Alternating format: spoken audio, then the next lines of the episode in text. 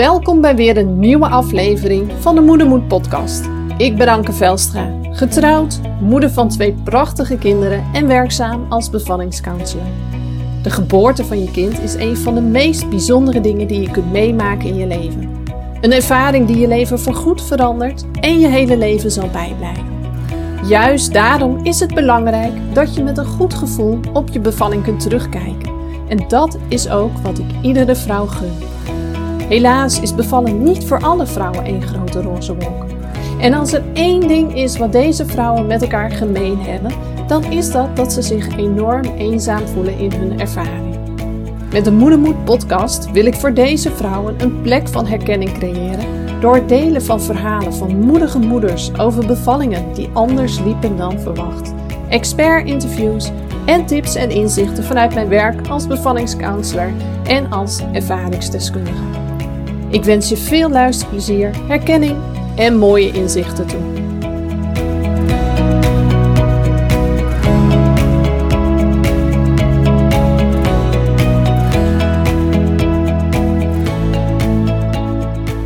Hey, hoi, wat leuk dat je weer luistert naar een nieuwe aflevering van de Moedermoed podcast. Ik vind het superleuk uh, dat je er weer bent, uh, dat je weer uh, de moeite hebt genomen om naar een nieuwe aflevering te luisteren. Dus heel erg bedankt daarvoor. En ik zal gelijk maar met de deur in huis vallen. ik heb vanochtend besloten, het is vandaag maandag 6 september, wanneer ik deze opneem, dat ik de aankomende maand drie podcasts per week ga opnemen. En nu denk ik al, oh man, wat doe ik mezelf aan? Maar ik vind het heel fijn om zo nu en dan eens even mijn comfortzone te stretchen. En de afgelopen periode was het er eigenlijk iedere keer iets wat er een beetje bij hing. Zo van, nou, als ik tijd heb, als ik een momentje over heb, dan maak ik eens een podcast. En voor dat moment werkte het heel goed. Maar uh, ik weet ook dat er ook de waan van de dag is. En dat zul je als moeder ook wel herkennen. Dat uh, je je dingen zelf voorneemt en dan is er de waan van de dag. En dan aan het einde van de dag denk je van... oh ja, ik zou ook nog even een momentje voor mezelf nemen. En dat is er dan weer bij ingeschoten. Nou ja, zo werkt het bij mij eigenlijk ook met podcasten. Aan de ene kant vind ik het niet fijn om mezelf druk op te leggen. Maar aan de andere kant, als ik een vaste structuur heb uh, en met mezelf gewoon een keiharde afspraak maak, zo ga ik het doen. Dan helpt dat eigenlijk ook wel weer een beetje. Dus nou ja, we gaan het zien. Misschien uh, uh, ben je straks twee podcasts verder en denk je, dan hoor je van mij van missie niet geslaagd. Zou kunnen. En we gaan het wel zien. Maar het is in ieder geval een streven waar ik de komende tijd mee aan de slag ga. Nou, waar ga ik het met jou over hebben in deze podcast? Dat heeft alles te maken met weeën. Opvangen van weeën en zorgen dat de weeën je niet overspoelen. Um, als doula ben ik inmiddels bij aardig wat bevallingen geweest. Uh, ja, het is echt bizar hoe in korte tijd uh, hoeveel bevallingen ik heb mogen doen. En ja, fantastisch mooi vind ik dit. Echt, iedere bevalling is weer zo anders en tegelijkertijd ook zo mooi om mee te mogen maken. Daar word ik gewoon echt helemaal warm van van binnen. En um, ja, als ik kijk naar hoe ik nu uh, als doula werk en hoe ik mijn eerste bevalling deed, ja, daar zit gewoon echt een wereld, wereld van verschil tussen al. Uh, en dat zal zich blijven ontwikkelen naarmate de tijd zich vordert. Um, en ja, mijn cliënten zijn over het algemeen cliënten met een verhaaltje. Of verhaal soms zelfs wel. Uh, ja, ze hebben ervaringen in hun rugzak uh, die maken dat ze bevallen spannend vinden. Um, dat kan een eerdere hele heftige uh, bevalling zijn geweest. Um, maar dat kan ook bijvoorbeeld een nare seksuele ervaring of een misbruikverleden zijn geweest. Uh, of een andere traumatische gebeurtenis. Of een angst- en paniekstoornis. Dus eigenlijk heel divers. Um, waarom mensen eigenlijk bij mij komen uh, en mij vragen om als doula bij hun bevalling te zijn. En het maakt ook dat deze categorie vrouwen over het algemeen ook bang is om te bevallen. Ja, ze kijken er enorm naar uit om hun kindje te ontmoeten, maar hebben wel zoiets van ja, die bevalling die moet ook nog. Uh, en zien daar enorm tegenop, zijn er zelfs wel heel erg bang voor. En als ik daarover in gesprek ga met ze, ehm, dan vertellen ze me eigenlijk allemaal dat ze niet zozeer bang zijn voor de pijn aan zich, maar vooral bang zijn voor uh, het feit dat ze de grip gaan verliezen als de pijn hen overneemt.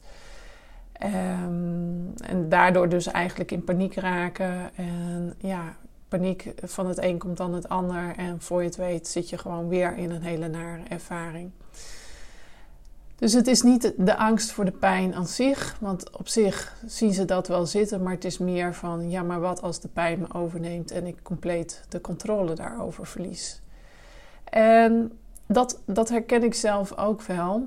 Um, toen ik beviel van mijn oudste, werd mijn bevalling ingeleid en ja, achteraf gezien met de kennis die ik nu heb, um, ben ik enorm overgestimuleerd. Uh, zijn de weeënopwekker zo ontzettend hoog gezet um, dat ik de ene wee naar de andere week kreeg. En ondanks dat bleven ze ophogen, want de CTG registreerde niet genoeg. Ja, dat is ook wel ergens logisch, want ik voelde de wee alleen maar in mijn, bui in mijn benen en in mijn rug en niet zozeer in mijn buik. Um, dus die registratie was natuurlijk niet helemaal ja, congruent met hoe ik het voelde. En dat bleek later ook wel, want uh, ze hadden mij ingeleid met een ballonnetje. En toen die eruit ging, 24 uur later, had ik al 4 centimeter ontsluiting met alleen wat harde buiken. Toen dacht ik, nou, als ik het zo kan doen, uh, kom maar op. En um, uh, daarna zijn die weeënopwekkers eraan gegaan. En ik denk dat ik binnen 2, twee, 2,5 uur naar volledige ontsluiting ben gegaan. Uh, waarvan de laatste 4 centimeter binnen 10 minuten. En toen ik aangaf dat ik, dat ik persdrang had, hè, dat ik het gevoel had dat ik moest poepen, werd er ook nog gezegd: dat kan niet, want we hebben je 10 minuten geleden getoucheerd. Toen zat je nog maar op 6. Maar toen zei ik dat het echt zo was. En dat bleek toen ook zo, want toen had ik dus wel gewoon volledige ontsluiting.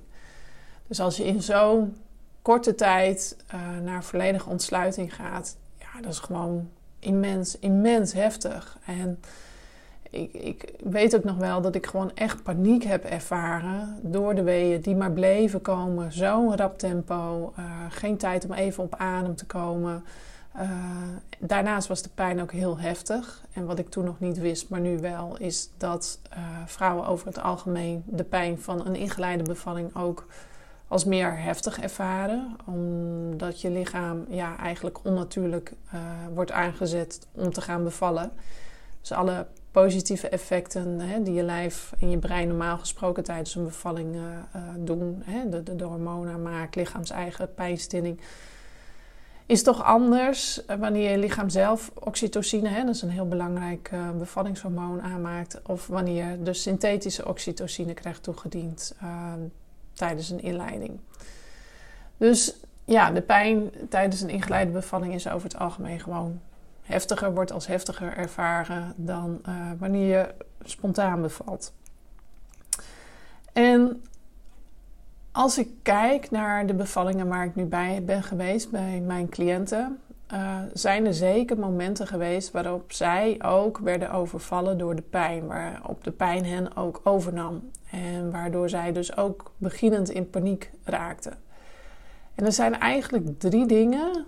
Ja, er zijn meer dingen, maar ik pik deze drie dingen er nu even uit. Die je heel goed zou kunnen inzetten om de grip weer terug te pakken. En als jij de grip houdt, hè, ik bedoel, je kunt het proces niet controleren. Hè. Je lichaam blijft weeën aanmaken in het tempo dat je lichaam bepaalt. Dus daar, daar heb je verder geen invloed op.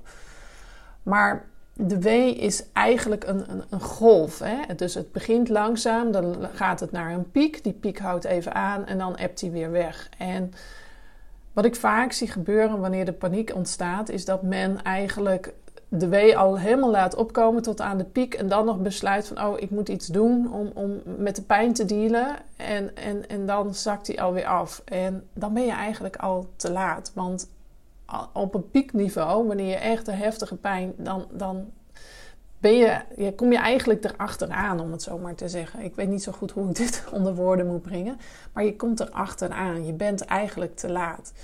Dus er zijn drie technieken die ik vaak uh, mijn cliënten in, in handen geef. Uh, tussen de weeën in bespreek ik dan even heel kort van, nou, de volgende week gaan we dit doen. Ik ga je er doorheen loodsen. Dat is wel heel erg belangrijk. Dat je iemand naast je zij hebt uh, die, die je helpt. Uh, zodat jij de grip kunt houden. En zodat je kunt mee surfen eigenlijk op die golf. In plaats van er achteraan te komen en overspoeld te worden door de golf. Nou, dat is dus heel belangrijk dat met de drie technieken die ik je vandaag uh, vertel, dat je dus op tijd begint. Zodra je het eerste beginnetje al voelt van een wee, hè, zodra die opkomt, ga je er gelijk mee beginnen. Nou, de eerste techniek die ik altijd uh, meegeef aan mijn cliënten is focus. Heel vaak zie ik gebeuren als ze geen focus hebben, dan kijken ze overal en nergens, ogen dicht en dat soort dingen. En dat geeft paniek. Um, wanneer jij iets doet wat heel moeilijk is, of wanneer je bijvoorbeeld een evenwichtsoefening doet, uh, misschien doe je yoga en sta je wel eens uh, op één been bijvoorbeeld. Hoe helpend is het dan als je zo'n oefening doet? En misschien moet je het nu gewoon ter plekke even proberen om uh, op één been te gaan staan. En dan ondertussen iets te doen met je armen of zo. En uh, ja, kijk dan eerst eens om je heen wanneer je dat doet. Heel druk, uh, zonder een vast focuspunt te hebben. En doe het daarna nog eens een keer. En pak dan een vast focuspunt. Een vast punt waar je naar kijkt. En kijk eens wat voor verschil het maakt. Als het goed is, zul je ervaren dat je veel makkelijker balans kunt houden wanneer je naar een vast punt kijkt. En dat is bij weeën eigenlijk ook zo. Je moet iets hebben waarop je je kunt focussen. Want anders is je focus all over the place en uh, overspoelen de weeën. En wat voor focuspunt dat is voor jou, dat is gewoon heel verschillend. Um, ik heb een cliënte gehad die had een, een, een hele mooie foto uh, van zichzelf op vakantie. Had ze uh, hadden we op de binnenkant van uh, de, haar bed. Hè. Ze had een, een, medische bevalling geplakt. Dus als ze op haar zij lag bijvoorbeeld, dan kon ze die zien. Uh, dus die was iedere keer in haar blikveld. maar je kunt ook denken aan affirmaties. Nou, vind ik daar wel iets van. Maar daar, daar heb ik een andere podcast over opgenomen. Dan moet je die nog maar eens even terugzoeken. Um, het, ja, weet je, het, het kan ergens een, een, een, geel lampje zijn. Het kan, kunnen de voegen zijn uh, in de badkamer, tussen de tegels. Het maakt niet zoveel uit wat je kiest. Als je maar iets kiest waar jouw ogen, waar jouw aandacht, waar jouw blik op kan rusten tijdens een wee. Dus dat is heel erg belangrijk. Focus. Hou je focus en uh, op het moment dat jouw aandacht echt all over the place is, eh, zorg dan ook dat degene die bij je is, je geboortepartner, en als ik erbij ben als doula, doe ik dat. Zorg ervoor dat je de focus weer terugpakt. Zorg ervoor dat je eraan herinnerd wordt. Heel belangrijk. Een volgende is ritme. En nu zul je denken, ritme, ritme. Ja, en dat heeft eigenlijk ook met nummer drie te maken. Uh, maar daar kom ik zo wel op het is heel belangrijk als je focust dat je ook voor jezelf een soort ritme kunt vinden in een beweging of met je hand of met je voet of met je been. Dat je meetikt of meebeweegt. Uh, als je staat of op een bal zit bijvoorbeeld kun je met je uh, heupen in een vast ritme heen en weer bewegen. Dat is ook heel belangrijk en helpt je ook om de focus te houden. Dus stel je voor dat je naar een vast punt kijkt en ondertussen in een ritme heen en weer beweegt. En eventueel kan je geboortepartner je helpen om dat ritme vast te houden, zodat je dat kunt volgen in plaats van het helemaal zelf te moeten bepalen. En de laatste is eigenlijk beweging. Beweging is zo ontzettend belangrijk. Heel veel van mijn collega's zijn heel erg gefocust op dat je je moet ontspannen tijdens bevalling en door middel van ademhaling en slap worden het over je heen laten komen. Hè? Ergens is dat heel erg belangrijk. En ik wil ook heel graag dat mijn cliënten vanuit die uitgangspositie starten, dus vanuit ontspanning. Maar als je op een punt bent gekomen dat er al paniek is, gaat het jou niet helpen om dan de ontspanning uh, te vinden. En waar dat mee te maken heeft, is dat op het moment dat je paniek ervaart, stress ervaart, spanning ervaart, gaat je lichaam zich eigenlijk klaarmaken om te vechten, om te vluchten. Dus je gaat allemaal stresshormonen aanmaken. En die stresshormonen die zorgen ervoor dat er energie wordt vrijgemaakt om daadwerkelijk te kunnen vechten of te kunnen vluchten. Dus om in beweging te komen. En je kunt je voorstellen als dat door je lichaam heen pompt, uh, dat je dan niet rustig kunt uh, gaan zitten of liggen uh, en een beetje meditatief die weeën kunt opvangen. Nee, die energie die wil ergens naartoe. Dus dan is het zo belangrijk dat je ook iets doet met die energie. Dat je in beweging komt, zodat die energie, dat die stress kan afvloeien. En wanneer de paniek is geweest, dat je daarna weer terug de ontspanning kunt vinden. En beweging heeft ook nog een ander voordeel. Met beweging bedoel ik niet alleen het ritme waar ik het net over had, maar ook het wisselen van verschillende houdingen. En een andere reden is dat jouw kindje moet door je bekken heen. Uh, en dat gaat niet zeg maar zo recht naar beneden vanuit je buik uh, door, richting de uitgang. Het moet draaien, het moet ja, smalle bochtjes maken. Um, en daarbij kun je je kindje helpen door regelmatig van houding te veranderen. Als je bijvoorbeeld in een bepaalde houding zit en dat wordt heel oncomfortabel, of je krijgt dan heel erg last van je rug bijvoorbeeld, kan het heel helpend zijn om een andere houding te vinden. En daarmee kun je je kindje misschien net helpen om een klein stukje dieper te zakken, het bekken in, of een bepaalde draai te maken, uh, waardoor jouw pijn ook weer afneemt. Dus het heeft eigenlijk een, een, een tweeledig effect. Beweging, omdat de vrijgemaakte energie die voortkomt uit stress en spanning uh, ergens naartoe kan. En zodat je daarna weer beter kunt ontspannen. En ten tweede, je helpt je kindje ook gewoon mee uh, door regelmatig te wisselen van, uh, van houding en in beweging te blijven. Nou, als ik het moet samenvatten, uh, focus. Pak een vast punt waar je je op kunt richten. Beweging, had ik net al heel duidelijk uitgelegd. Kom in beweging, zodat je iets kunt doen met uh, de vrijgemaakte energie. Uh, en je je kindje kunt helpen om dieper het bekken in te zakken. En ritme, die is heel erg gekoppeld ook aan de focus. Um, ja, dat zijn eigenlijk de drie, uh, de drie belangrijkste dingen die ik graag met je wilde delen hierover. Um, Belangrijk ding is dus start op tijd. Dus zodra je de wee voelt opkomen, direct starten met deze dingen. Zodat je hem voorblijft in plaats van dat je hem overspoeld wordt. Dat is heel erg belangrijk.